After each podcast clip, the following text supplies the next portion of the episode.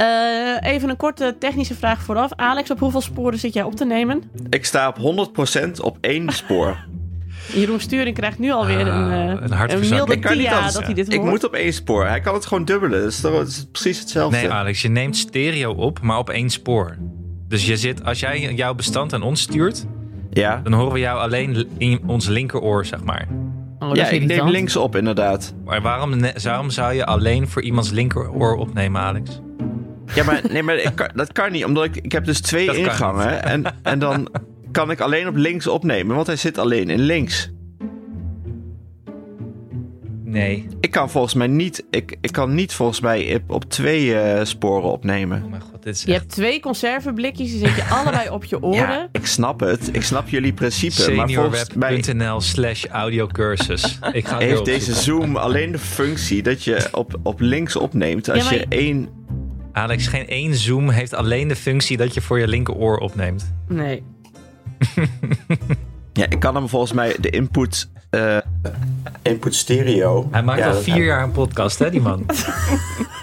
Oh, hoor. Ik vind het wel bemoedigend hoor. Ja. Ik ben technisch heel slecht. Maar dat het dan toch kan, is toch fijn eigenlijk. Ja. Je dan toch zo'n enorme fanschade kunt opbouwen. En Precies. Dat je, Toch ik beroemd kan heeft- worden. ja, dit heeft Alex verteld, zeg maar, voordat eh, onze banden draaiden. Maar Alex werd laatst bij een eh, gastcollege werd hij een, eh, een minor BN'er genoemd. Minor celeb, sorry, minor celeb. Minor omdat hij deze podcast maakt. Ja, ben je dan... Is hij C of D-lijst, denk je? Ik denk dat hij een beetje zo tussen, tussen schuift, hè? Het is toch dat hij wel herkend wordt aan zijn stem. Een soort C- C2, zeg jij. Een zeester is hij. oh ja, dus ik wil vast dan de intro voordat eh, Alex klaar is met dit eh, senior webgedoe. Hè?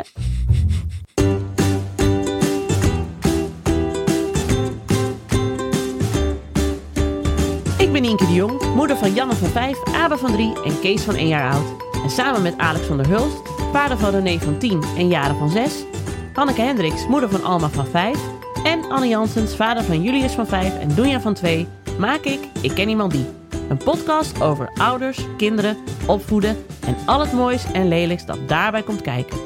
Met in deze aflevering een goed gesprek met Margot C. Pol. C. Alias. Catharina. Catharina. Ja, ja. Ja. ja. En er werkt nog een eh, Margot Pol in de journalistiek bij NRC.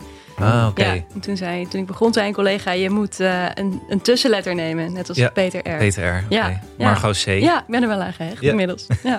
Margot C. Japke D. Peter R. Ja. Dat is een illustre rijtje waar Ja. je in zit. Ja. Ja. Ja. Inmiddels wel. Want volgens mij heeft Japke D. dat ook gedaan, toch? Omdat Peter R. Jap, eh, een R had. Dit weet Alex wel, want die is... Oh, we horen je niet, Alex. Alex, ga je dit met gebarentaal doen? Zag ik dat nou goed? Zag je daar de twee middelvingers? ben jij Jack Ploy?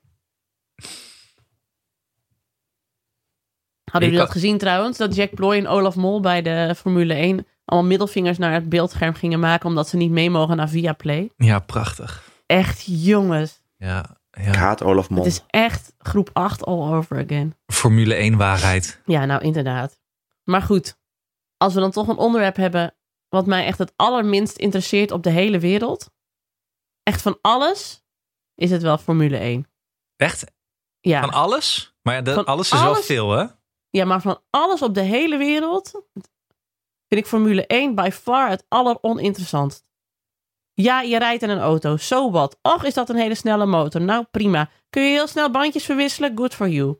Wat een leuk team heb je daaromheen. Nou, rij maar lekker door. Ja, who cares? Echt, who cares? Jullie zijn, jullie, eh, jullie ergeren je zeker ook aan mannen die dan zo'n Red Bull jasje aan eh, hebben. We hebben zo'n man op het schoolplein. Ik denk, oh dear lord. Laten we dit wel heel even checken bij Margot. Margot, is jouw man een eh, Red Bull jasjesman? Voordat nou, we dit meteen verkeerd beginnen. nee, gelukkig niet. Totaal niet. Oh, nee. joef. Niet van die polo's met Honda erop en zo. nee, volgens mij... Ik denk dat ik het per ongeluk één keer heb gekeken, Formule 1. En ik weet er ook echt helemaal niks van. Ik zei vroeger altijd Formule F1. ja. Oh, Dus dat tekent wel mijn kennis. Eh, en ik denk dat hij het echt wel nul keer heeft gekeken. Hij houdt nog minder van sport kijken dan ik. Dus daar ben ik echt heel gelukkig mee. Oh, Oké. Ja, want dat heb weten ik we uit, jou, uit jouw boek ook geleerd. Want dat is een prachtig bruggetje naar gewoon dat we het even alvast teaseren. Ik heb in jouw boek geleerd dat jullie, toen jullie elkaar ontmoetten, jullie konden echt niet meer van elkaar verschillen dan jullie van elkaar verschillen, zo'n beetje. Klopt. Hij, ja. hij was ook totaal niet de man waar jij ooit op dacht te vallen. Nee, waar ik ook naar zou kijken, denk ik. Nee, maar, ja, Heeft dat- hij een naam? in het boek heet hij Daniel. Daniel, oké. Ja. Ehm, eh, nee, hij is, ehm, dat is een goede van Tinder, denk ik. Dat je gewoon mensen tegenkomt die je normaal gesproken nooit had ontmoet. Hij woonde ook niet in eh, Amsterdam, waar ik toen woonde. En eh, hij had niet dezelfde interesses, niet dezelfde hobby's. Had niet dezelfde vrienden. Hij was heel erg, ja, ehm, een beetje staatomverwerpachtig. Zo vond ik hem er toen uitzien en overkomen. En Met ik was gek gewoon... mutsje op en zo, toch? Ja, precies. Met, met een revolutionair mutsje op. En ik had. ehm, ik wilde gewoon eh stukjes schrijven en kleding kopen. Dat was toen, eh, waren mijn interesses in die tijd. Dus ja, nee, maar, maar we pasten wel heel goed bij elkaar. Ja, Ja, maar waarom, eh, wa- wat, eh, waarom swipte je naar rechts of is dat naar links? Ik weet dat nooit. Ik heb nooit getinderd. Naar rechts denk ik toch? Dat is, ben- dat is ben- accepteren. ik ben het vergeten. Het is al lang geleden. Ehm, Ik vind nou, dat wel jammer trouwens dat ik nooit heb getinderd. kan ik me heel goed Ja. voorstellen. Jij Ja. was niet er goed in vrienden? geweest hoor, Anne. Ja, dat denk ik ook wel, ja. Ik heb dat wel gemist, maar ja. Ja, ja, nu kan het echt niet meer. Maar waarom, waarom dacht je van, nou toch maar, de, eh, hij verschilt in alles. Stond Ja. hij op een foto met een surfboard of een eh, vis of zo? Of, De motor. ja, Nee, hij keek zo. dat was de blik. Dat was de blik. Ah, Ja. Kijk wat Ja. goed. Ja, goed hè? Ja. En dat was, het ging door alles heen. En dat, en dat bleek ook gewoon nog echt te zijn. Dus ja, dat was het. Nou, over dat leven wat jullie samen hebben opgebouwd, eh, zometeen meer. Lekkere teaser. Eh, goedemorgen mannen, fijn dat jullie er zijn. We moeten misschien ook even noemen, ja, Hanneke is er niet bij. Want die heeft eh, de kutste week uit haar leven. En dat is zonder ironie. Ja. Dus eh, die is er niet bij. Nee, Eh, sterkte voor Hanneke. ja, sterkte voor onze lieve Han. En eh, we omhelzen jou met duizend armen. Zoals Ronald Gippard dan zegt. Ja. Eh, eh, Anne, ik had nog een vraag. Ja, Eh, wie is die vrouw die net de voice-over deed en die de hele tijd in het Zoom-gesprek zit?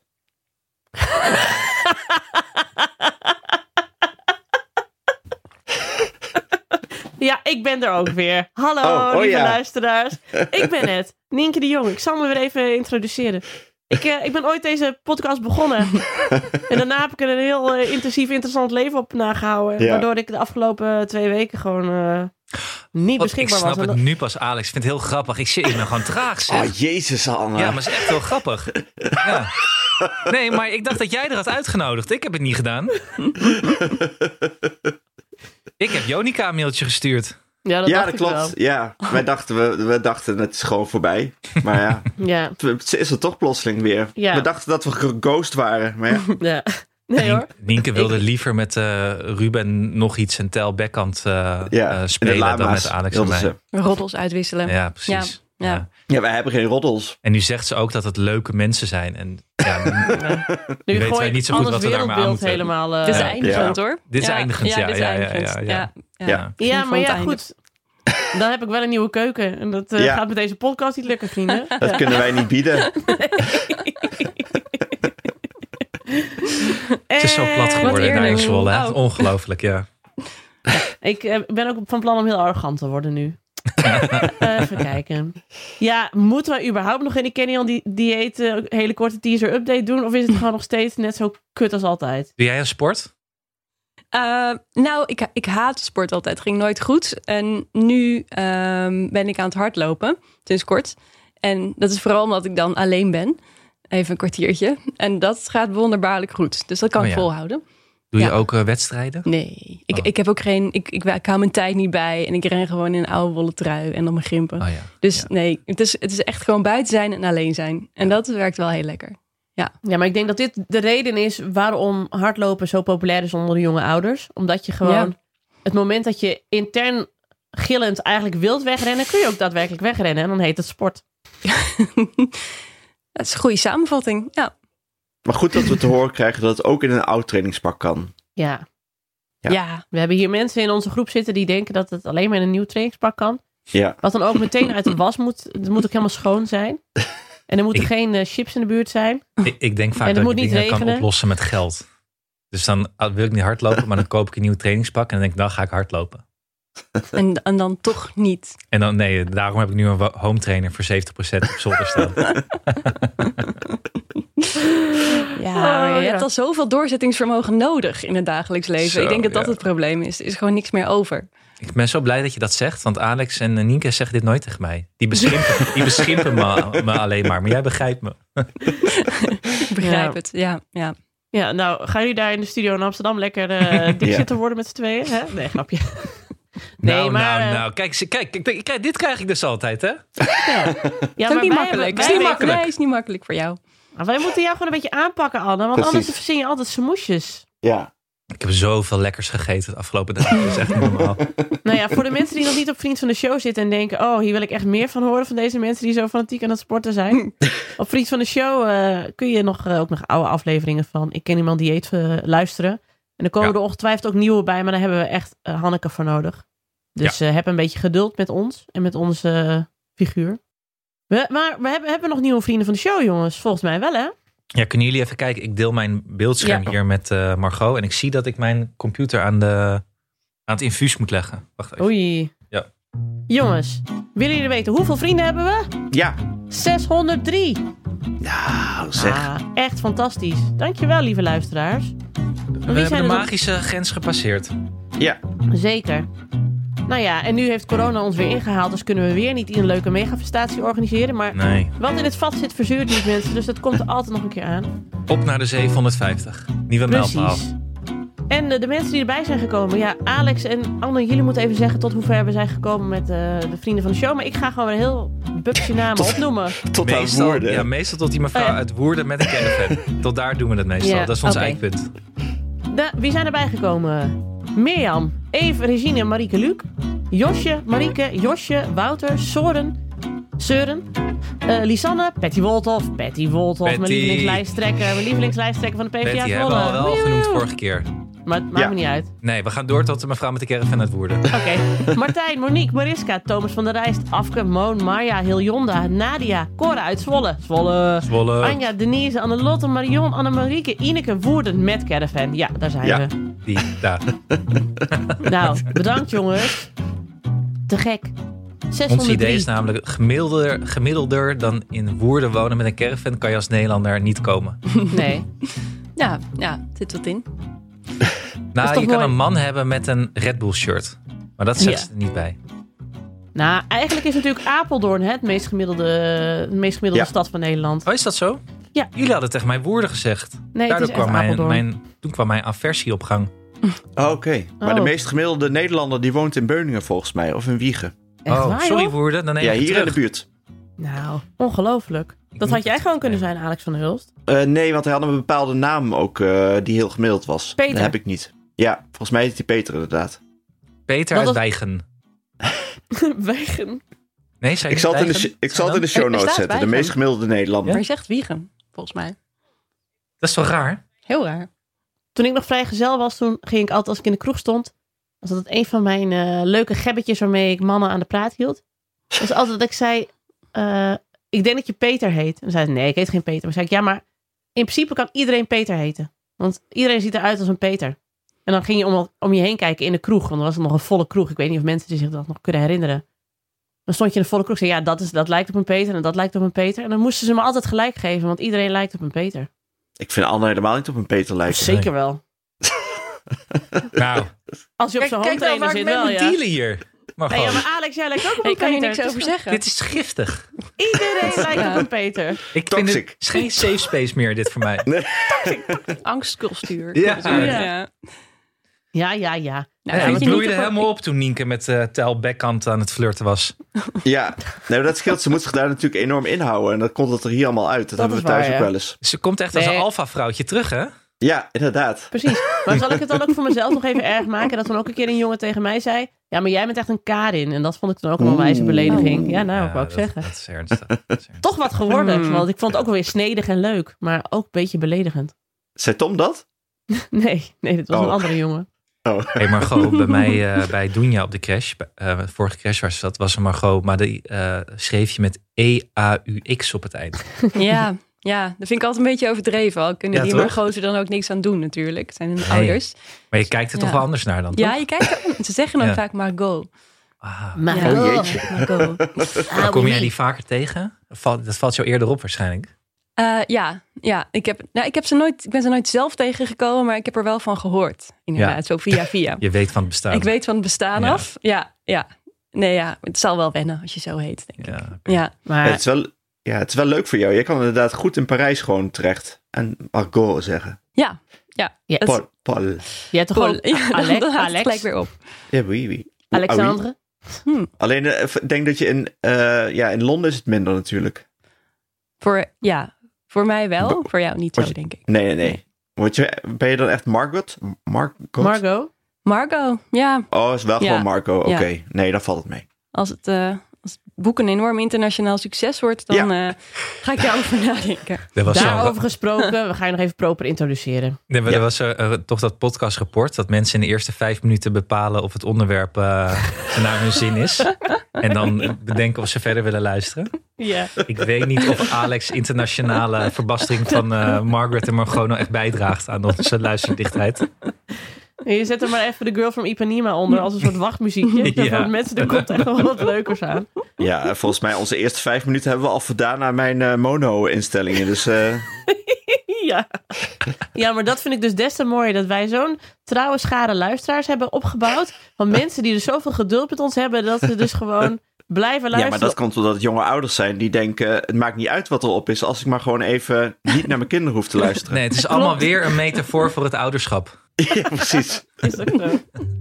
Daarover gesproken. We hebben dan geen Hanneke in de show, maar we hebben een hele bijzondere gast. En dat is Margot Sepol, alias de thuisblijfmoeder van het boek Is het al 7 uur? Yay! Yay! Ja, Margot, fijn dat je er bent. dankjewel. Hey, wat was er eerder? Het idee om een jaar thuis te blijven of het idee om een boek te schrijven? Goeie vraag. Ik denk dat het toch een eh, jaar thuis blijven was. Ja, ja. En wel, ik dacht wel vrij snel daarna van, eh, eh, dan kan ik er, dat, dat, zou wel mooi zijn als er dan ook iets zou gebeuren in dat jaar wat ik kan verwerken in een boek. Maar ik wist het niet zeker. Het had ook gekund dat het gewoon een heel gelukkig en gezapig jaar zou worden waarin niks zou gebeuren. En ehm, ja, of misschien wel het begin van mijn 15-jarige thuisblijfmoedertijd. Ja. En dan ja, Wat was er niks te even beschrijven voor de mensen die jouw mediastorm gemist hebben. het kan bijna niet, maar misschien wel. Je hebt het boek geschreven Is het al 7 uur? En dit is het verslag van jouw jaar als thuisblijfmoeder. Klopt, ja. Ik, ik zie de angst in de ogen van Alex. een jaar thuis blijven. Ehm, even ter introductie. Wat was het eerste moment dat jij dacht... misschien moet ik een jaar thuis blijven? Kun je dat moment nog herinneren?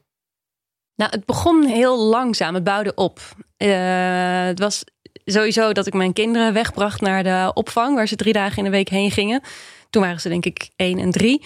En zoals heel veel kinderen gingen ze dan huilen als ik ze wegbracht. En dat was natuurlijk vervelend. En dan zei de juf heel lief, nou als je weg bent is het meteen over hoor. Maar het duurde best wel lang.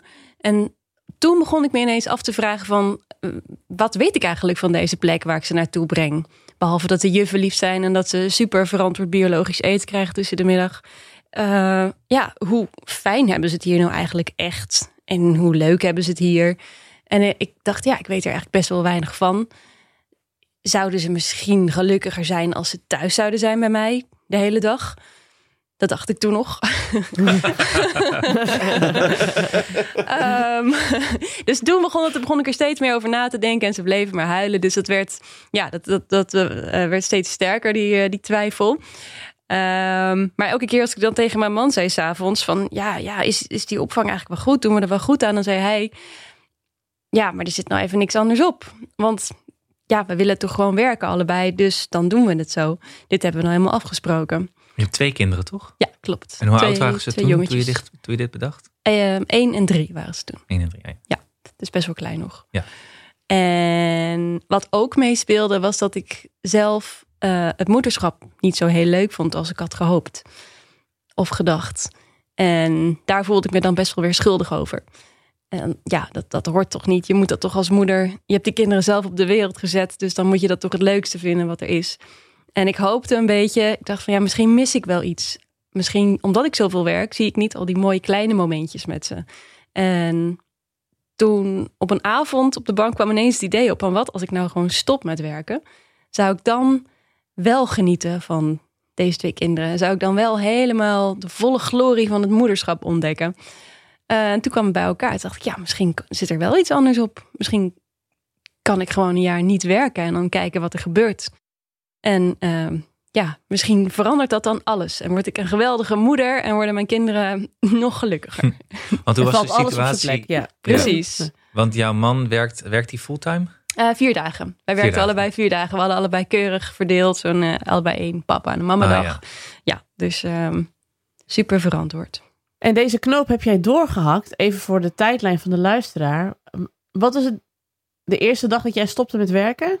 Dat was maart 2020. Maart 2020. Jongens, bedenk even, joh. Wat, Wat hebben gebeurde we er gedaan in maart 2020? Ja, Ja, dat zou ik mij niet meer, meer weten hoor. Onbeduidend Dat is maandje. zo Ja. lang geleden. ja, het begon heel rustig. En toen twee weken later, toen veranderde er wat, inderdaad. Ja, Ja. Toen kwam ineens iedereen thuis te zitten. ja.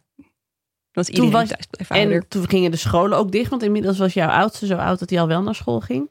Ja, toen waren we maximaal fulltime thuis met z'n allen. En wat dacht je toen? Waar ben ik aan begonnen? Ja, toen dacht ik, dit is niet hoe ik het thuisblijfmoederschap had Oh, gezien. nee, nee, nee, nee, nee.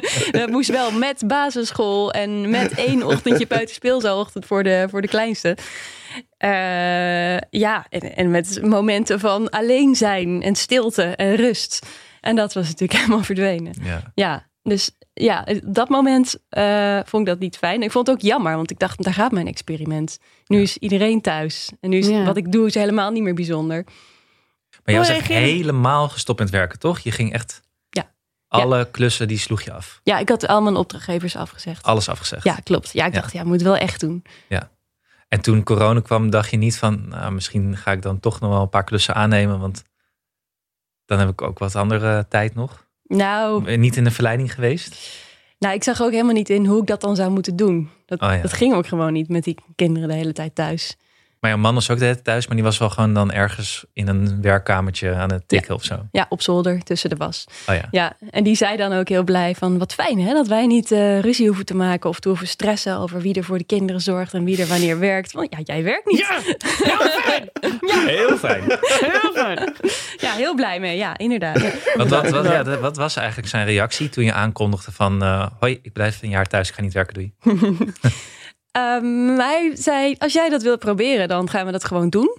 Dus echt heel lief en heel eh, meedenkend. Ehm, maar het grappige was dat ik pas na drie jaar, of na, na, na drie kwart, denk ik, van dit jaar, eh daarachter kwam dat hij zich helemaal niet afvroeg hoe gelukkig de kinderen nou eigenlijk waren op de crash. hiervoor. dat boeide nog niet zoveel. Nee, hij, zei, hij dacht, het is toch goed geregeld. Ehm, en, en mijn vraag was helemaal niet zijn vraag. Terwijl ik echt al daar dus negen maanden lang aan twijfelen was van hoe kunnen we de kinderen het gelukkigst maken? Hoe kunnen we zelf het gelukkigst zijn? Wat is nou voor iedereen de beste situatie? En, ehm, en hij had gewoon die negen maanden lekker zitten werken.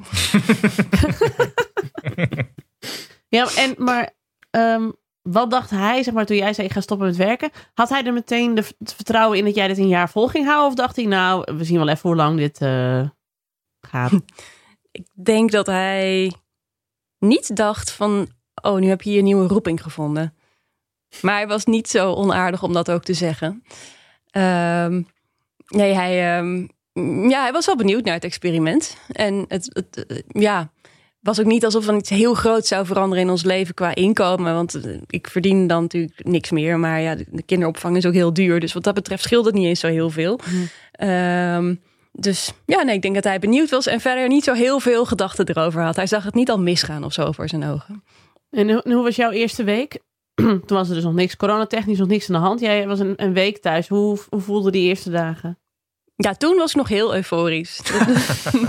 ja, toen was ik, dacht ik echt, oh wat mooi dit. En ik kan gewoon helemaal mijn kinderen alle aandacht geven. En ik hoef ook niet te haasten. En ehm, we gingen ook best wel verantwoorde dingen doen. En dan gingen we bijvoorbeeld, dacht ik van, oh ja, we moeten nog leeg glas wegbrengen. En daar maakte ik dan helemaal een uitje van. En dan mochten ze heel echt om de beurt een fles erin gooien. En dan ging ze ook nog even leren welke kleuren dat dan allemaal waren. Dus het, was, uh, het lag er toen al wel een beetje dik bovenop. Maar ik genoot er nog wel van de eerste week. Um, en had je dat, uh, heb je toen ook uh, iets bedacht om het bij te houden? Had je een, een dagboek of een week, uh, ging je eens in de week iets opschrijven? Of hoe deed je dat?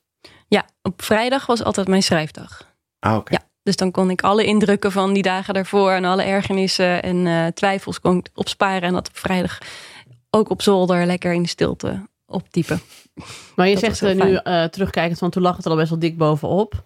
Ja. Um, toen had je dus nog het idee van nu ga ik die perfecte moeder worden die ergens diep van binnen in mij verborgen zit. Precies, ja. Uh, op welk moment kwam je erachter? Oh nee, dat, nee, dat ben ik niet. Ik denk na twee weken. En dan moet je Fair nog enough. een jaar. Ja, ja. Toen kwam corona. Ja, maar ik wilde het wel echt afmaken. Uh, ik dacht, ja, ik was ook wel echt benieuwd naar het effect. Want ik hoopte ook heel erg dat ik gewoon een betere, geduldigere, lievere, leukere moeder zou worden. Dus ik dacht, ja, misschien dat, dat het gewoon meer tijd nodig heeft. Um, maar nee, het is nooit helemaal gekomen. Wat was die situatie dan na twee weken dat je dacht van, oh shit? Nou, ik, ik maakte de eerste twee weken maakte ik overal al een project van. Van het glas wegbrengen, maar ook van uh, zindelijkheidstraining van de jongste met een potje en zo. En na twee weken dacht ik, maar ik verveel me eigenlijk gewoon nog steeds. Ja. En deze projecten zijn niet. Uh, ja, ik, ik, ik doe dit omdat ik een soort van doelen wil behalen of zo. Net als in mijn werkende leven. Of ik wil gewoon resultaten hebben. Of ik wil iets hebben om mee bezig te zijn in mijn hoofd. Maar ja, dat, uh, dat was niet meer zo bevredigend na twee weken. En toen dacht ik, oh ja, ik hou mezelf een beetje voor de gek. Hmm. Ja, uh, en dit is gewoon. Het, het moederschap, het ouderschap is gewoon bij je kinderen zijn. En, en er hoeft verder niet zoveel voor te gebeuren. Maar um, ja, ik, ik vond het nog steeds een beetje saai. En dat vond ik heel jammer dat ik dat dacht. Een beetje confronterend. En hoe, hoe kwam je erachter dan? Toen je aan het schrijven was? Of zat je op een, uh, op een dag dat je dacht... ah, nu moet ik weer het glas wegbrengen. Ik heb er geen zin in. nou, ik maakte ook overal foto's van omdat ik uh, die eerste twee weken, omdat ik zo trots was op hoe verantwoord wij bezig waren. En op een gegeven moment was het geheugen vol van de telefoon. Kon ik het niet meer laten zien aan andere mensen wat we allemaal aan het doen waren. Uh, toen dat wegviel, dacht ik, ja, uh, wat is er nu nog over? Ja, ik denk dat dat, dat, het moment was. Maar dat is misschien wel het, een van de grootste nou niet leugens van het ouderschap of zo, maar iets wat je, wat je misschien wel vertelt, of wat je niet registreert voordat je kinderen hebt. En als je kinderen hebt, denk je verrek. Dat het leven met kinderen ook gewoon heel saai is, omdat het de hele tijd hetzelfde is. Of zoals mijn overbuurman laat zei, ik word helemaal agressief van alle dingen die ik de hele tijd moet doen en die de hele tijd weer terugkomen. Dat. Hoe kunnen we dat eh, mensen duidelijker maken die nog aan kinderen moeten beginnen? Dat het leven dus niet zeg maar een Roma, Romy Boomsma Instagram pagina is met verantwoorde dingen en gelukzalig door een bloemenveld lopen met je perfect gestylede kinderen. Maar dat het gewoon een hele saaie herhaling van zetten is elke dag. Goeie vraag. Ja. ja. Nou ja, is het misschien ook niet om precies wat je zegt. Uh, dat je je niet schuldig hoeft te voelen over dat je het saai vindt. Want dat is misschien een groter probleem. Dat mensen doen alsof het dat achtste potje memory nog steeds geweldig leuke iets is met je kinderen doen. Ja, denk dat dat een goede is. Ik, ik wist dat ook echt niet van tevoren. En toen ik hieraan begon, zeiden heel veel moeders tegen me: Oh, maar ik heb ook heel vaak geen zin in mijn mama-dag. Of ik heb ook heel vaak een beetje. Ja, eh, voel ik me verveeld of licht agressief. ja, dat is normaal. Maar ik dacht, We maar dat wist ik helemaal niet. nee. uh, ja, ik wist dat echt niet. En ik vond dat best wel gek. Ja, want ik, ik, dacht echt van, oh, ik moet nu voortdurend heel gelukkig zijn en heel erg van mijn kinderen houden. Maar ja, dat, dat is gewoon helemaal niet, uh, niet haalbaar. Wat zeiden eigenlijk je vriendinnen of zo van jou toen je dit aan het doen was?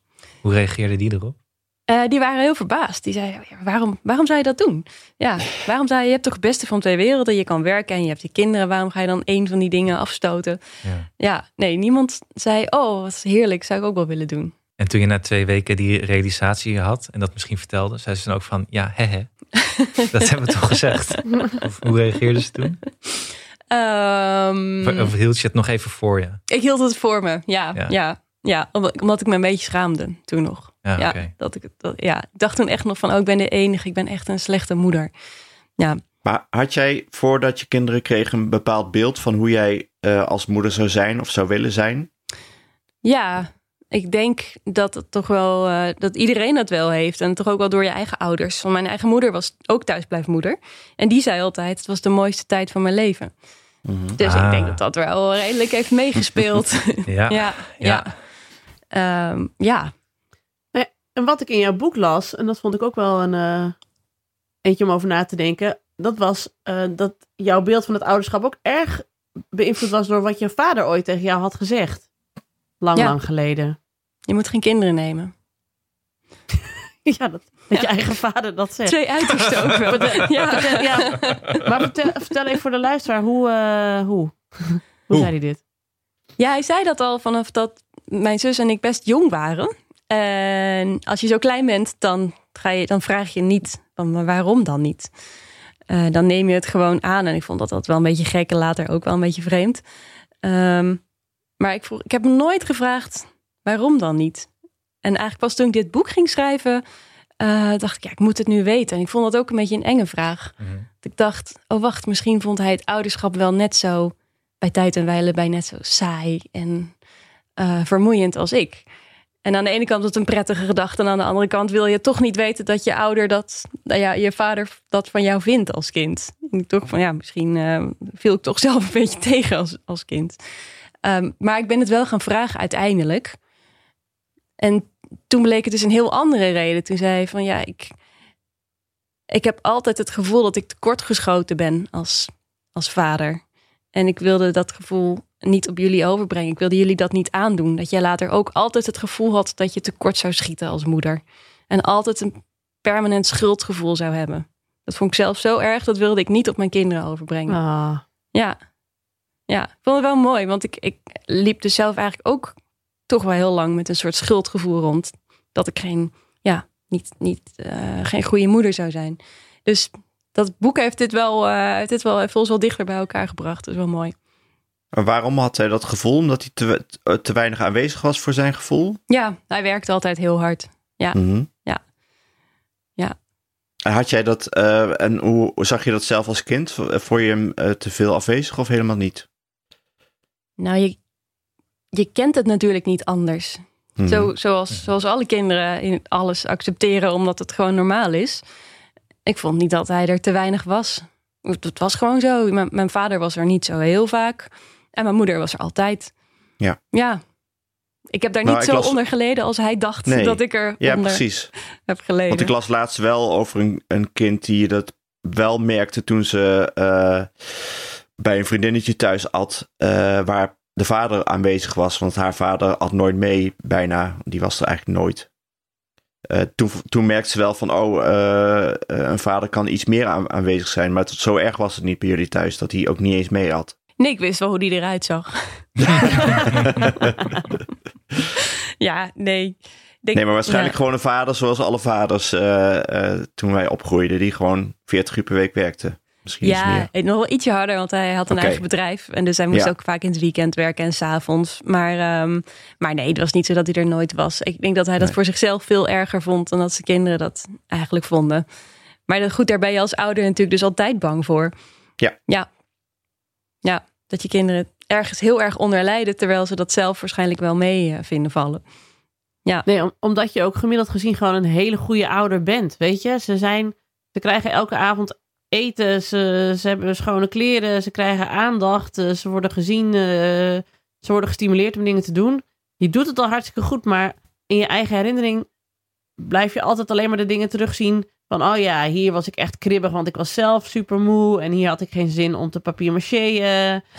en hier was ik echt super blij dat ze allemaal bij een vriendje aan het spelen waren. En ik even in alle rust een kop koffie kon drinken. En ja, precies. Dat, dat zijn de dingen die je onthoudt. Terwijl je kind onthoudt dat helemaal niet dat jij geen zin had om te papier. Had mijn moeder ook nooit zin in.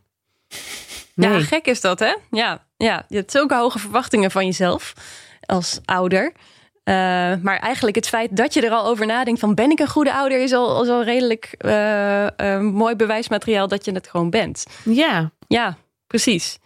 Maar ja, tegelijk zie je om je heen allemaal mensen die, die ook heel erg hun best doen. En die misschien nog wel net die wel van papier houden. Of het ziet er ja, zo of die op Instagram het doen, je doen laten geloven dat zij zulke ouders zijn. Maar die dan ook geen, die maken ook geen Insta-stories van het moment dat ze kriebig de vaatwassers dan uit te ruimen. En dat een kind dan weer vraagt, mag ik papier? En uh, nee, rot op met die stomme vraag zeggen. Nou, je let soms ook verkeerd op. Hè? Net zoals dat je uh, misschien uh, net kijkt naar diegene die door de stad loopt en heel, heel mager is. Kijk je misschien ook naar die vader die net die ene vrijdag vrij heeft en dan heel enthousiast de schommel staat te duwen. Ja. moest denken aan een, aan een column van Marcel van Roosmalen daarover. en in het klimrek hangt. Maar ja, je ziet niet dat hij vier dagen daarvoor afwezig is geweest. Heel veel over dat papier maché. Hè? Is dat echt iets wat jullie doen? Want ik heb het er nog nooit nee. gedaan. Oh, oké. Nee, ik schrik al een beetje. Ja. Nee, wel een goede vader, ja. dacht jij. Ja, hoort dit? Uh, mis ik weer iets? Mijn, mijn grote uh, troef is dat mijn schoonmoeder uh, juf is geweest van groep 5, 40 jaar lang. Dus ze knutselen wel met, met oma Marian. Ik hoef niet te doen. Oh ja, dat ik heb zo iets van dit hier school voor. Ja, ja, ja. die heb ik ook. ook. Ja, precies.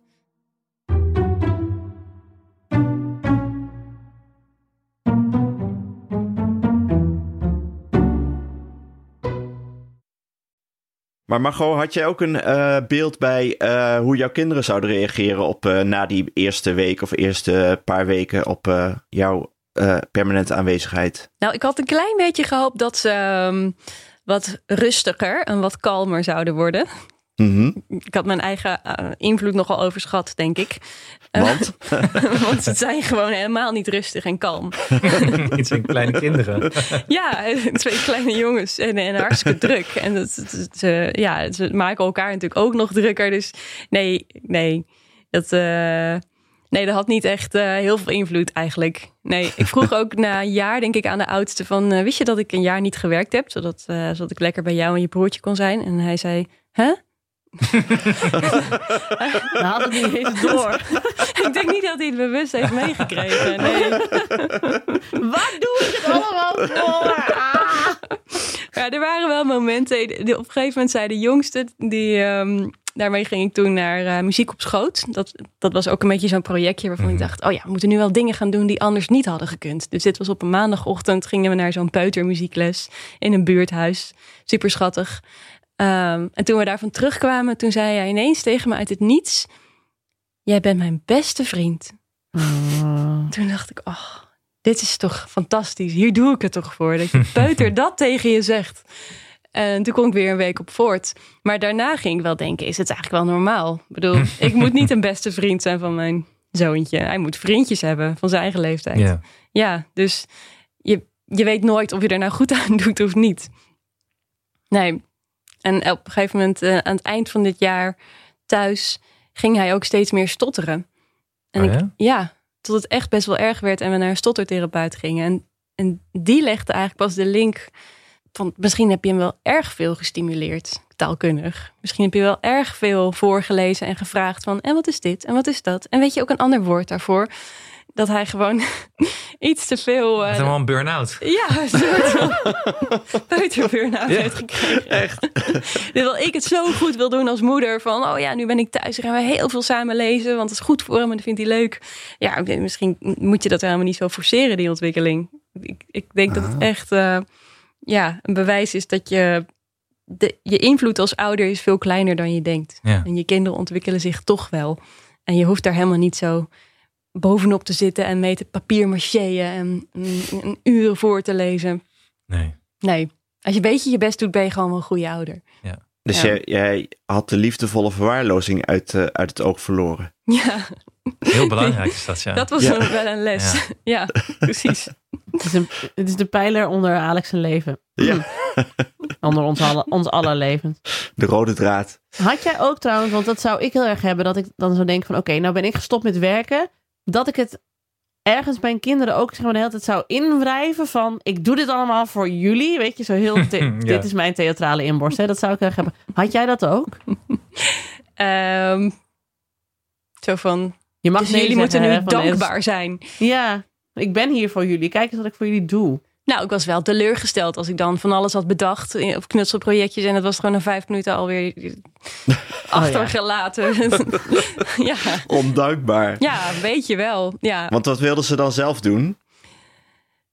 Eh, door de kamer heen rennen en vechten als ninja's. wel een duplo-toren bouwen en daarna weer naar buiten, weet je wel. Weer steppen. Zo saai. Ja. Jij had de gra- grammatica lessen weer had voorbereid. En, eh, ja, maar ja. Maar ik werd daar zelf dus ook helemaal niet zo'n leuke moeder van. Van al die hoge verwachtingen die ik van mezelf had. En dan die kinderen die er niet aan voldoen. Dus liefdevolle verwaarlozing is inderdaad wel, eh, wel een les geweest. Dat het, dat het voor iedereen veel beter is, eigenlijk. En zocht jij ook, ehm, want ik neem aan dat je dan ook eh, andere mensen gaat zoeken die ook, eh, die ook thuis zitten om daar eventueel mee af te spreken. Eh, waren die er veel en kon je die vinden? Of merkte je toch dat heel veel mensen toch wel werkten of juist niet? Ja, het was wel een beetje eenzaam. Eigenlijk, ehm, heel veel vriendinnen waren natuurlijk wel thuis omdat het moest door de lockdown. Maar ja, die moesten dan ook gewoon werken. Dus kon je niet echt mee afspreken. En dat mocht ook eigenlijk niet. Ehm, en, en al die activiteiten voor andere thuisblijfouders, die waren gecanceld vanwege corona. Eh, dus eigenlijk enige andere mensen die ik tegenkwam in de wijk, dat waren dan vaak grootmoeders met hun kleinkinderen. En die zeiden dan tegen mij van, oh, dit is toch de mooiste tijd van je leven. Waardoor ik me nog slechter voelde dat ik me gewoon, ik durfde niet te zeggen, maar verveel je je dan niet? die peperen nog eens in. ja, precies. Ja. Ja. die duwde dan wel heel geduldig die schommel. Ja, dat snap ik, omdat ze maar één, één dag in de week hoeven. Ja, precies. Dat is ook zo. Ja, En als we even de tijdlijn volgt, dus de, na twee weken was er al een soort van breekmoment. ja. En eh, als we dan eh, de klok wat eh, doorspoelen, wat waren nog meer momenten voor jou dat je dacht van dit gaat goed of dit gaat niet goed? Ehm, nou, een hoogtepunt was wel, denk ik, inderdaad dat, dat mijn peuter zei dat ik zijn beste vriend was in het begin. Ja, toen Ehm, ging de, de, de grafiek weer even omhoog Ja, van, eh, van Zeker. J. Ja, dat, ik ben goed bezig. Ik had ook af en toe wel momenten dat ik dacht van... ehm, ik heb inderdaad meer geduld. Doordat we zoveel thuis zijn bij elkaar. Doordat je zo op elkaars lip zit. Ga je wel je kinderen gewoon nog beter doorzien. Of ik in ieder geval. Dat Mhm. ik toch wel vaak dacht van... Oh ja, dat hij nu niet luistert. Dat is echt geen onwil, maar dat is gewoon onvermogen. Er is gewoon zoveel anders in zijn hoofd aan het gebeuren. Hij, hij hoort me gewoon echt niet. Maar je had ook niet zoveel anders te doen dan dit naar patronen te kijken natuurlijk. Nee, nee. Nee, en op mijn telefoon te kijken. Ja, oh ja. Ja.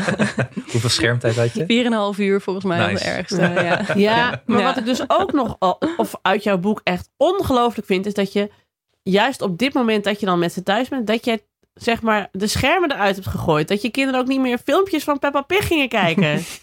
Een week, ja. Hebben we een week Ja. gedaan. nou, maar een week vond ik echt al zo lang. Ja, Toen, dat was toen denk ik dat ik... las, dacht ik, Ik denk dat het ook een hele lange week is geweest eh, voor mijn hoofd niet. Het was wel zwaar, ja. ja. Maar het was ook wel... Het was een beetje... Het was weer zo'n project, denk ik, waar ik heel veel behoefte aan had. Want ik moest het ook... Dat ellenlange jaar moest ik een beetje opdelen. Want anders was het echt uitzichtloos. En ook... ehm, ja, ik, ik vond het fijn om dan elke maand op iets anders te kunnen focussen. Dus we hadden ook één maand eh, geen Netflix of Netflix minderen. En dan één week helemaal geen Netflix. Ja, Gold dat dan ook voor jou? nee, dat komt niet goed. niet na zeven uur. Ah, Oké, ja. Nee. Ehm, maar wat er wel... Ja, was hartstikke vermoeiend. Want je kan niet rustig koken als er twee jongetjes achter je gewoon de tent afbreken. Eh, en als de jongste ging slapen, lieten we de oudste meester ook even, even anderhalf uur gewoon filmpjes kijken. Om zelf tot rust te komen. Maar in die week dus niet. En het, dat was vermoeiend. Maar het was ook wel mooi. Dat je dan echt alles samen doet. En je ontdekt ook wel een beetje nieuwe kanten van je kinderen of zo. Ik had wel het gevoel, als ik met Netflix zet ik ze een beetje uit. Zet ik ze een soort van op mute of op pauzestand. En eh, dat is heel lekker voor jezelf.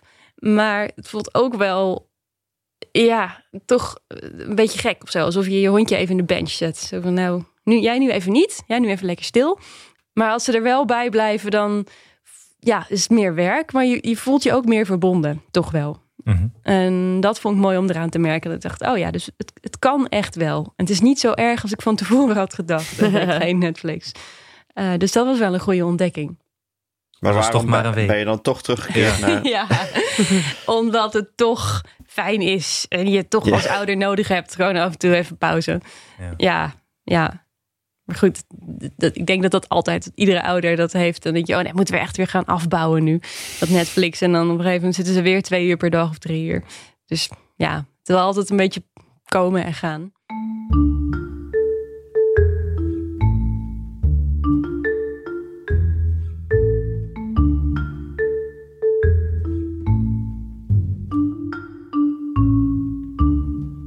Het allerergste dieptepunt was ehm, mijn zoontje, oudste zoontje, die had veel last van woedeaanvallen. En ik werd daar dan ook weer heel kwaad van. Omdat ik altijd vond dat het zo overdreven was. Ik begreep gewoon niet waarom hij zo, zo kwaad werd. En dan ging slaan en schreeuwen en snotteren en uren boos bleef. Dat het, ja, dat het op mij weer een heel erg eh, eh, negatief effect had. En op een gegeven moment, als ik daar dan echt niet uitkwam, was het vervelende, het slechte, dat ik, dat ik hem dus ook eh, eh, gewoon een tik gaf. En op een gegeven moment gebeurde dat, was hij weer heel kwaad. Uh, dreigde hij zijn broertje weer te gaan slaan en hij luisterde me niet en hij spuugde naar me. En ik, nou ja, een, ellende.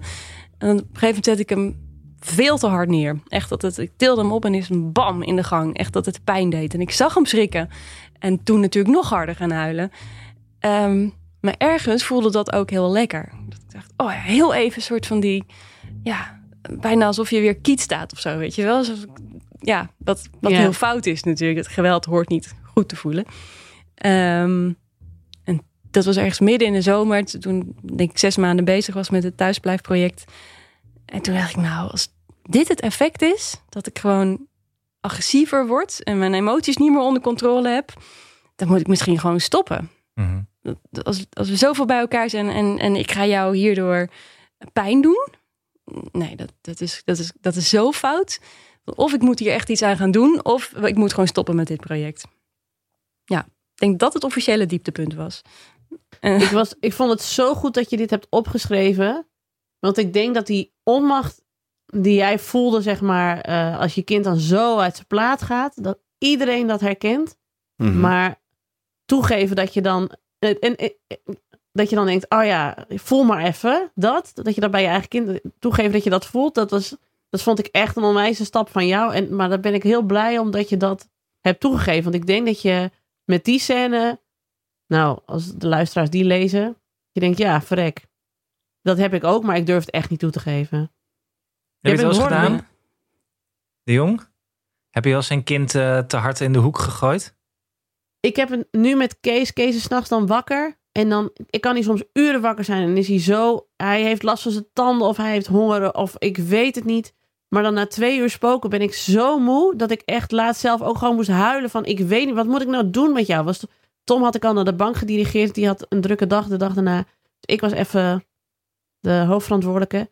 En dat ik dan ook, dat ik hem dan zo uit bed weer oppak. En dat ik dan ook het gevoel van ik sleur je er bijna uit. Zo van, ik weet niet meer wat ik moet doen. En dan moet ik altijd denken aan wat een kennis van mij uit Utrecht ooit zei. Heeft kinderen uit de- in dezelfde leeftijd. En haar moeder die eh, was verpleegkundige op een kinderafdeling in een ziekenhuis. En zij zei altijd...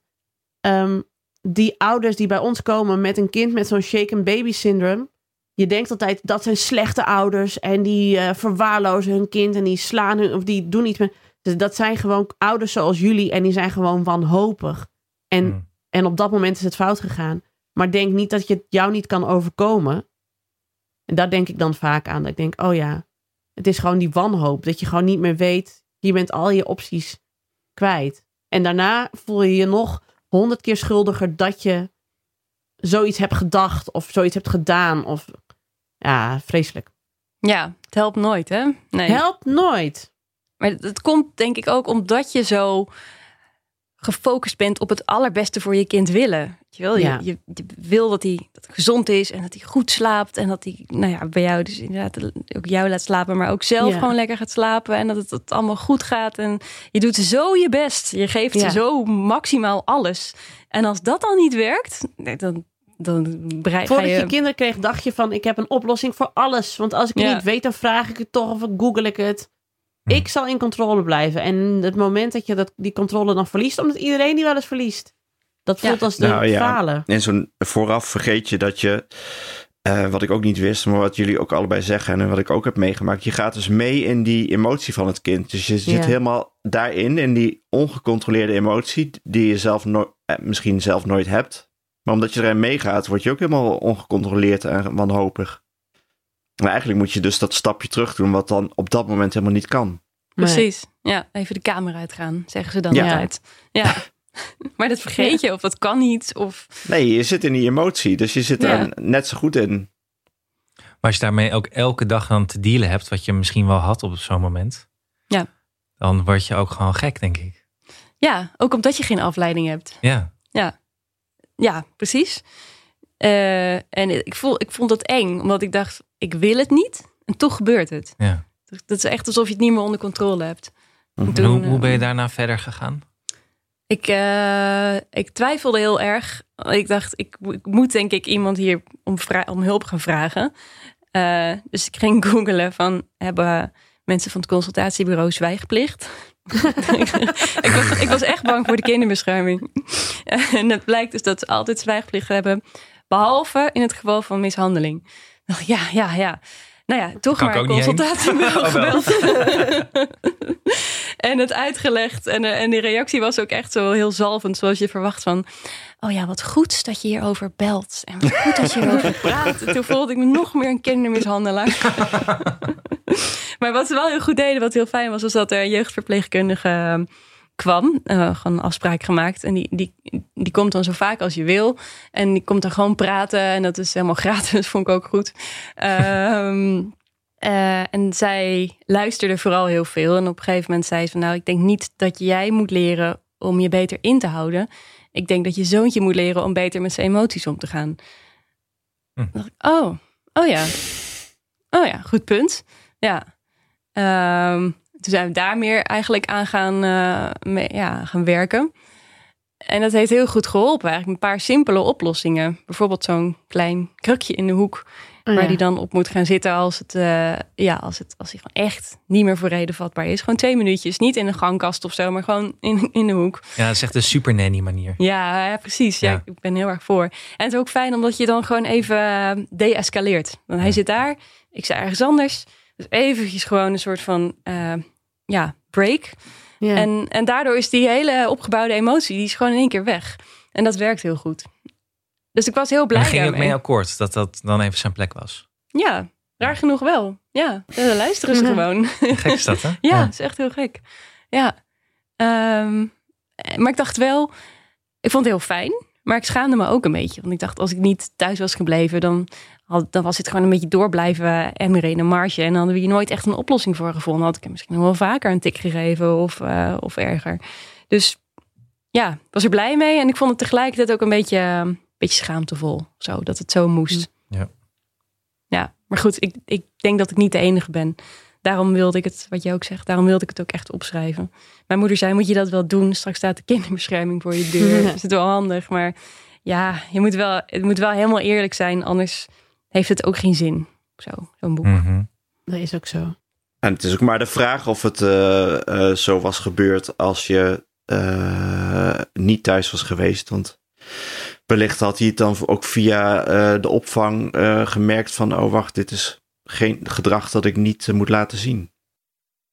Ja, daar, daar gebeurde het nooit.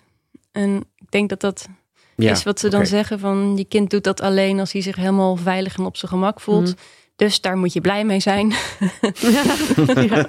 ja, ja. oké, ja. Misschien was hij er wel overheen gegroeid hoor, dat had gekund. Hmm. Hey, we hebben het nou steeds over hoe het thuis was, maar eh, wanneer miste je je werk heel erg? Zeg maar niet alleen weg zijn van eh, huis, maar ook gewoon het ambacht van het schrijven. ja, best wel veel. Maar het, het fijne was dat ik natuurlijk op vrijdag wel kon schrijven aan het boek. Daar leefde ik ook wel heel erg naartoe. Dat was altijd mijn hoogtepunt van de week. Want er was je een man met de kinderen. Maar dan kreeg je nog geen mailtjes van mensen die zeiden: Oh, eh, goed dat je die deadline hebt gehaald. Of eh, mooi stuk had je zaterdag in de krant of zo. Die, Mm, die waardering miste jij natuurlijk ook. ja, ja, zeker. Ja, die miste ik heel erg. Ik had het Die- eerst niet door. Ik dacht echt, eh, als iedereen in leven is gebleven en, uh, en ze hebben allemaal twee stuks fruit gegeten, dan is het al genoeg waardering. Dan haal ik het daaruit aan het eind van de dag. Um, maar ik wilde op een gegeven moment heel graag dat we het een keer zouden omdraaien. Dat mijn man dan met de kinderen een week fulltime thuis zou zijn of een maand. En ik dan een week fulltime zou werken of een maand. En hij zei dan steeds, maar waarom dan? En hij dacht, ja, nou ja, dan weet je ook gewoon hoe het is en hoe zwaar het is en zo. En hij zei, maar dat weet ik toch wel. Ik zei, ja, ja, maar misschien toch niet helemaal. En toen pas realiseerde ik oh, ik wil gewoon die waardering. Ik wil gewoon dat jij voor me klapt en zegt hoe zwaar het is. En een evaluatiegesprek en een bonus. Dat je gewoon toch Twee stuks fruit, wat prachtig. 10% erbij. Ja, precies. Misschien wel een goede tip, ja. Als je dan, als je partner thuis is gebleven die dacht dat je als je binnenkomt, dat je gewoon even klapt. Ja. nou ja, maar dat haakt ook wel weer in op het gesprek dat wij laatst met Ragnar hadden uh, over de, die mental workload. Dat dat uh, een deel van het probleem met al die zorgtaken is als niemand ook zegt van hey, goed gedaan. En het hoeft echt niet à la Robin van Persie, zoals ik het eerst al eerder heb genoemd, zeg maar, dat je bij alles wat je zegt, dat mensen zeggen, oh wat goed dat jij de vuilniszak hebt buiten gebracht. Maar gewoon dat iemand ziet wat je doet, is al de helft van, haalt er de helft van het gewicht van alle taken eraf of zo. Ja, dat klopt. Dat helpt al. Ja, dat er gewoon gezegd wordt, wat fijn. Je, wat lekker dat je weer hebt gekookt. En wat fijn dat je er weer was vandaag voor de kinderen. Zoiets. Het klinkt weer zo gemaakt, maar ja. het werkt toch wel, denk ik. Want ik ging dan ook de hele tijd zeggen... Ik heb de afzuigkap vandaag schoongemaakt. Ja. dan voelde ik me nog truttiger. Met nog minder te melden. Maar ik vond toch dat ik het moest zeggen, inderdaad. Hoe doe je dat eigenlijk? Heb je dan een filter vervangen of zo? Wat doe je dan? Oh, wat fijn dat je het vraagt. Ja. Oh, de afzuigkap. Nee, uh, hij kan in de vaatwasser, de platen. Niet? Ja, dat wist ik ook niet. Kan dat echt? Ja, dat kan. Ja, dan moet je wel eruit, die platen eruit halen. Dat kan dan in de vaatwasser. Nou, zodra ja. Anne klaar is met de home trainer, gaat hij hier meteen aan beginnen, hoor ik al. Nou, ik had een post geleden het lichtje vervangen in, bij de... Boven het aanrecht, zeg maar, bij de, hoe heet dat? Bij de afzuigkap. Ja. ja. Wow. Heb je daar waardering voor gekregen, Anne? Nou, snap ik. Want ja. volgens mij is dat best ingewikkeld. Nou, viel echt heel erg, heel erg mee. Maar ik zag er wel heel erg tegenop. ik zei het gisteren tegen Tom. Ik zo, oh, ja, en ik heb vandaag ook even het, uh, het koffiezetapparaat uh, ontkalkt. En hij ook echt zo heel gemaakt. Nou, hey, hey, je proeft het meteen. Ik zo. Oh, oh dacht ik, we zijn weer echt, nou ja, meer van, we zijn echt weer doorgeslagen in onze de dag naar het uh, mental workload verdeling, zeg maar. Ik het heel krampachtig benoemen, hij mij heel krampachtig bedanken. Terwijl ik doe dat al in ons hele leven we zijn bijna tien jaar samen. Hij heeft nog nooit het apparaat ontkalkt. Het is altijd mijn taak. Maar ik wilde het gewoon wel even gezien hebben. Ik dacht, oh, ben ik echt treurig. Maar goed. Maar toch, hè? Ja, je, je, het, is, het is menselijk. menselijk. Kom binnenkort koffie bij je drinken, Nienke. Ik heb daar veel zin in. Ja, het is, je, je proeft het echt, het verschil. Ja. um, maar, maar gewoon na, na dat hele jaar van ups en downs en kinderen in een hoek moeten zetten en mini breaks voor jezelf regelen en maar gaan hardlopen om even alleen te zijn, et cetera, et cetera. Um, hoe was de eerste dag dat je weer naar je werk ging? Nee, wacht, wacht, niet. We zijn nog niet bij het einde. Oh, sorry. Nee, nee we zijn, Want ik op, zat ook, we zijn ik op een ook, half jaar. Ja. We Oh, kunnen sorry. wel de, de vaart erin houden natuurlijk. Maar je moet natuurlijk naar het einde nog toewerken. Wat zei je, Alex? Ja, want je zei net al van... Uh, uh, je zat uit te kijken naar die vrijdag altijd. En je zat dus ook, uh, zoals je in de titel leest, uit te kijken naar zeven uur. Zat je dan ook halverwege al uit te kijken naar... Uh, ja, het is al bijna... We zijn, we zijn al over de helft. Zit mijn jaar erop. Ja. ja. ja, maar toch tegelijkertijd dacht ik nog heel lang... Van, nou, misschien is het, ook al vind ik het zelf niet leuk... misschien is het toch goed wat ik aan het doen ben. Dat is ook wel een soort van martelaarschap of zo, denk ik. Dat daar wel iets lekkers in zit. Dat je gewoon uh, het gevoel hebt van, nou, ik doe iets zwaars, maar het is wel nodig. En, en mijn Hmm. kinderen zullen me later dankbaar zijn. Uh, Dus ook met, maar ook met het idee van misschien plak er een jaar aan vast. Precies, ja. Ik wist heel Oh, ja. lang niet zeker dat het, dat het echt na een jaar afgelopen zou zijn. Dat had ik gelezen inderdaad. Dat jouw man, die had wel erg in zijn hoofd. Oh, dus maar van een jaar daarna doen ze weer tussen aanhalingstekens normaal. dat jij in je hoofd had, nou, ik kan het ook langer doen eventueel. Precies, ja. Dat je niet van elkaar door hadden dat jullie er zo over dachten. Ja, klopt. Ja, Ja. inderdaad. En, en ehm, ik vroeg dat op een gegeven moment aan hem van... zal ik anders nog een jaar thuis blijven? En hij zag natuurlijk wel dat het niet... eh, ja, dat het mij niet, helemaal gelukkig maakte. En dat ik, dat ik er niet de beste versie van mezelf was. Dus hij zei van, nou, lijkt me belangrijker dat je iets doet waar je echt gelukkig van wordt. En hij had natuurlijk gelijk, maar tegelijk was ik een beetje teleurgesteld. Toch dacht van, oh ja, dus dit jaar was niet een groot succes. En uh, ja, ik ben niet, blijkbaar niet onmisbaar of zo als thuisblijfmoeder. En ik denk dat pas op het allerlaatste moment in december, of nou, bijna laatste moment, toen die tweede lockdown werd afgekondigd. Dus dat de kerstvakantie zes weken zou duren in plaats van twee weken. Toen moest ik zo hard huilen. en toen dacht ik, nou, dit, als, als, als ik dit al uh, eigenlijk te veel vind, dan moet ik gewoon maar echt weer aan het werk. Ja, martelaarschap oké, maar. je moet dus, het, moet, het moet niet jouw dood worden, maar gewoon. ja, nee. Ik las toen ook een onderzoek van een uh, Vlaamse hoogleraar die zei. Die had echt onderzocht dat als je als ouder een betere dag hebt gehad, dat je dan s'avonds ook een betere opvoeder bent. En dat is natuurlijk heel logisch en dat weet je mhm. allemaal ergens wel. Maar dat het zo zwart op wit stond, wetenschappelijk bewezen, was voor mij ook wel, speelde wel mee. Ik dacht, ja, nee, dan, dan moet ik echt weer gaan werken. Wie hou ik dan voor de gek? Dan is het echt voor mijn kinderen gewoon veel fijner om een werkende moeder te hebben. Mhm. En ik denk dat het voor heel veel kinderen zo is. Dat weet ik wel zeker.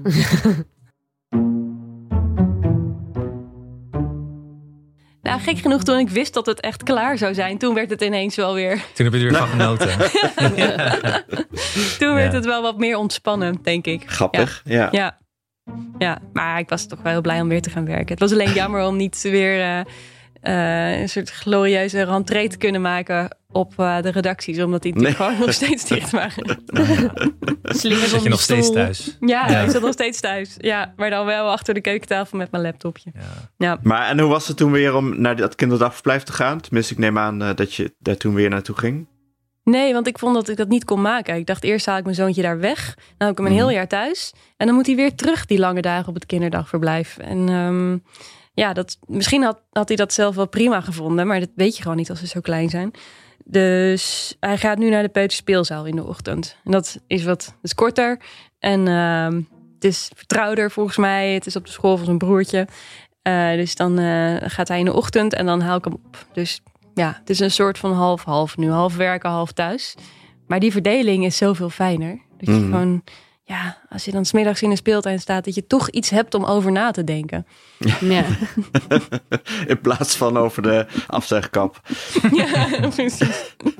Doet hij nu beter, nu, nu die school? dat ben ik wel niet ja, ja, ja, ja, ja. Hoe merk je dat dan? Nou, um, het ruikt wat frisser in huis. Ah, oké. Ja. En die filters moet je ook vervangen, hè, Anne? Ja dat, ja, dat weet ik niet zo goed, Alex. Daar ga ik even uh, over inlezen. Ja. Sommige kun je dus wassen en die hoef je niet te vervangen. Een oh, andere, maar het hangt van type af. Dus ja, het is best nog wel. Uh, okay, we moeten even, even, even, types uitwisselen straks. ja, we, moeten even contact houden. maar is dat dan ook wat je het, uh, het meest geleerd hebt, zeg maar? Of, uh, wat, dat is een stomme zin. Sorry, Jeroen. Um, is dat dan ook. Jeroen is Nienke's denkbeeldige vriend. Dan moet je. nee, ik wil niet de hele tijd knip, knip Jeroen Sturing zeggen. Arme, arme Jeroen. Maar arme Jeroen zit al uh, zeg maar drie uur van zijn leven elke keer weer te worstelen met het spoor van Alex. En dat ik dan ja, nog allemaal zinnen verkeerd begin, dat vind ik zielig van Jeroen. nee, maar is dat nou ook wat je het meest is bijgebleven van dit jaar? Dat, dat die hoogleraar zei van, je bent echt een leukere ouder voor je kinderen als je zelf een leukere dag hebt gehad? Of? Het is wel een van de belangrijkste conclusies, ja. Maar dat, dat haalt ook bij mij en ik bij heel veel andere moeders of ouders zou het veel schuldgevoel moeten weghalen. Omdat je zo vaak afvraagt van ben ik wel genoeg bij ze en, en besteden we wel genoeg tijd samen. Um, ja, als je genoeg werkt en tenminste als je gelukkig wordt van werken, dan moet je echt niet stoppen met werken. Dat is toch wel iets wat ik nu zeker weet. Mhm. Ja. ja. En dat we ook toch uit onderzoek weten dat uh, de moeders vroeger meer thuis waren, maar niet meer tijd met hun kinderen doorbrachten. Dat wij nog steeds, we doen het en en, hè, en we werken veel als uh, jonge ouders. En als we bij onze kinderen zijn, hebben we ook alle aandacht voor ze. Weet je, het is ook niet, ja. niet dat het vroeger beter was omdat je moeder thuis was, dat je dan meer tijd met haar doorbracht of zo. Nee, dat is ook zo raar, hè? Want eh, kinderen, volgens mij besteden moeders nu gemiddeld zes uur per dag samen met hun kind. Nou, hier. Het is nog nooit zoveel geweest. Nee. Arme kinderen. We mogen Ja. onszelf een keer een schouderklopje geven. Ja, Ja, en dat- wel. Ja, en dan dat toch is het schuldgevoel. precies. Ja. Dat is Ja. toch het giftige. Ja. We, we doen het supergoed. We geven ze alles. Mogen we dan ook nog een keer naar kantoor? Please. Hey, maar gewoon, wat, zijn, wat waren de reacties op je boek? Waren mensen, eh zagen ze herkenning of waren ze het er niet mee eens? Of, eh, Eh, wel veel herkenning. Dat is wel fijn. Mhm. veel, veel andere moeders die zeiden van... oh, wat fijn dat je dit zo eerlijk opschrijft. Dat je gewoon kan zeggen van... het is niet altijd leuk en dat is niet erg. mhm. Eh, dus dat, dat wel, voornamelijk. Af en toe ook wel mensen die zeiden van... nou ja, een beetje een strekking van verwend prinsesje. Weet je wel, je kan helemaal kiezen hoe je leven inricht. En dan eh, eh, kies je ervoor om niet te werken... En, en bij je twee gezonde kinderen te zijn... terwijl je man het geld zit te verdienen. En dan zit je nog te zeiken, is nog niet goed. ja, ja. Mag, Ja. ja. mag je ook vinden, denk ik. Ja, Ja, alleen, ja, goed. Ja. Het is een beetje lastig om eh, eh, elke keer te- als je je rot voelt te zeggen, maar wat, he- wat heb ik het toch goed? ja, nee, maar dat is toch wat die mensen dan willen, blijkbaar. Ja. Dat je dat moet, de hele tijd moet zeggen, maar wat heb ik het toch goed? ja. je, kunt, eh, je kunt leed niet vergelijken. Nee, precies. Nee. Nee. Zoals Hanneke altijd zegt, we mogen niet klagen, maar we doen het toch. Precies. ja, en ook, en dat vond ik een hele mooie conclusie uit jouw boek. Ehm, en dat, omdat hij ook best wel aansluit op wat wij hier vaak tegen elkaar zeggen van... Het leven met kinderen is eigenlijk ook gewoon leven. En de ene dag is het heel leuk en de andere dag is het niet leuk. En dat is gewoon prima. Weet je, Nee, maar klopt. Er zit gewoon, het is toch normaal dat er een soort nuance in zit. Want je werk is ook niet altijd alleen maar leuk. Je relatie is ook niet altijd alleen maar leuk. Dus ja, waarom zouden je kinderen dat dan wel zijn? En ik denk dat je tegelijk heel veel van je kinderen kunt houden, maar eh, opvoeden niet altijd even leuk kunt vinden. En dat kan Nee. gewoon allemaal naast elkaar bestaan. En, en ja, dat is prima. Dat is normaal. Oh, wat, was, eh, wat zei je man eigenlijk toen, toen hij het boek had gelezen? Of is het, eh, had hij zoiets van, ja, dat wist ik allemaal. Nee, hij zei wel, oh, ik heb nu wel meer begrip voor wat je allemaal hebt gedaan en dat het echt zwaar was. Nou, hij had natuurlijk wel, ja, je denkt dat je wel veel meekrijgt van elkaar, maar als je toch negen uur per dag aan het werk bent, dus zie je niet alles. Ehm, dus dat vond ik heel fijn. Ik kreeg alsnog achteraf die erkenning. Ja? Bloemetje? bloemetje? ja, bloemetje. Ehm, en hij, ja, en hij twijfelde af en toe ook wel van, moet je nou echt zo eerlijk daarover zijn? Moet je er echt alles op schrijven? En ehm, ik vind van wel, omdat het gewoon echt, ja, is gewoon normaal, al die gevoelens. En Mhm. als je dat als ouder leest en denkt van, oh gelukkig, ik ben niet gek en ik ben ook geen slechte ouder. Dat is alleen maar winst. Het enige waar ik me een beetje zorgen over maak, is dat mijn kinderen dit laten lezen. Oh ja, moet je niet te hard tegen ons zeggen met deze podcast. Maar... Ja, Ze, dan, ik denk dat er dan een, een spin-off komt van Ik ken iemand die. En die heet, nou, noem eens iets moois. Mijn ouders dachten dat, zeg maar. En dat is dan, zijn dan al onze kinderen die dan over ons gaan klagen. En dat mag ook Precies. gewoon. maar Hanneke stelt ons altijd gerust, omdat ze altijd zegt, ach, die kinderen gaan toch wel een therapie, wat je ook doet. Ja, dat vond ik, die heb ik gehoord. Ja. Een hele fijne. Ja, Ja. En dan horen we TCT wel wat we allemaal fout hebben gedaan. Maar gewoon. precies. maar wat het is denk ik wat jij zei net, eh, en eh, ik denk wat ook wel uit je boek komt, eh, eh, dat het opvoeden niet leuk is, maar dat je toch steeds nog zielsveel van je kinderen kan houden. Ja, ik hoop dat ze Eh, dat eruit halen. Ja, Ja, maar ik denk dat jij, wat je eerder zei over dat je bang was, eh, wat je vader zei, is je bent natuurlijk bang dat hij zei van ik hield, eigenlijk, ik hield eigenlijk niet zoveel van jullie. Maar wat hij dus eigenlijk zei, ik vond opvoeden zo lastig. Of tenminste, in zijn Ja, geval, ja. zijn schuldgevoel zo lastig. En ik hield eigenlijk te veel van jullie. Want ik Ja. wilde jullie nog meer geven dan ik jullie kon bieden. ja, Ja. precies. Nou, ik denk dat je kinderen dat heus ook wel echt uit het boek lezen hoor. Misschien is het iets wat je pas begrijpt als je zelf kinderen hebt. Of als je zelf 35 jaar en ouder bent. Ja, Mhm. dat zou goed kunnen. Ja, je moet gewoon verborgen voor ze houden. Zeker als pubers zijn. En dan... Ja, Als ze 40 pubers zijn, is alles, is alles Ja. munitie. Ja, dan Ja, heeft daarom. deze hele podcast niet bestaan. Dan heeft dat boek niet bestaan. Precies, Instagram-account is weg. Daar heb Ja. ik geen actieve herinnering aan. Nee.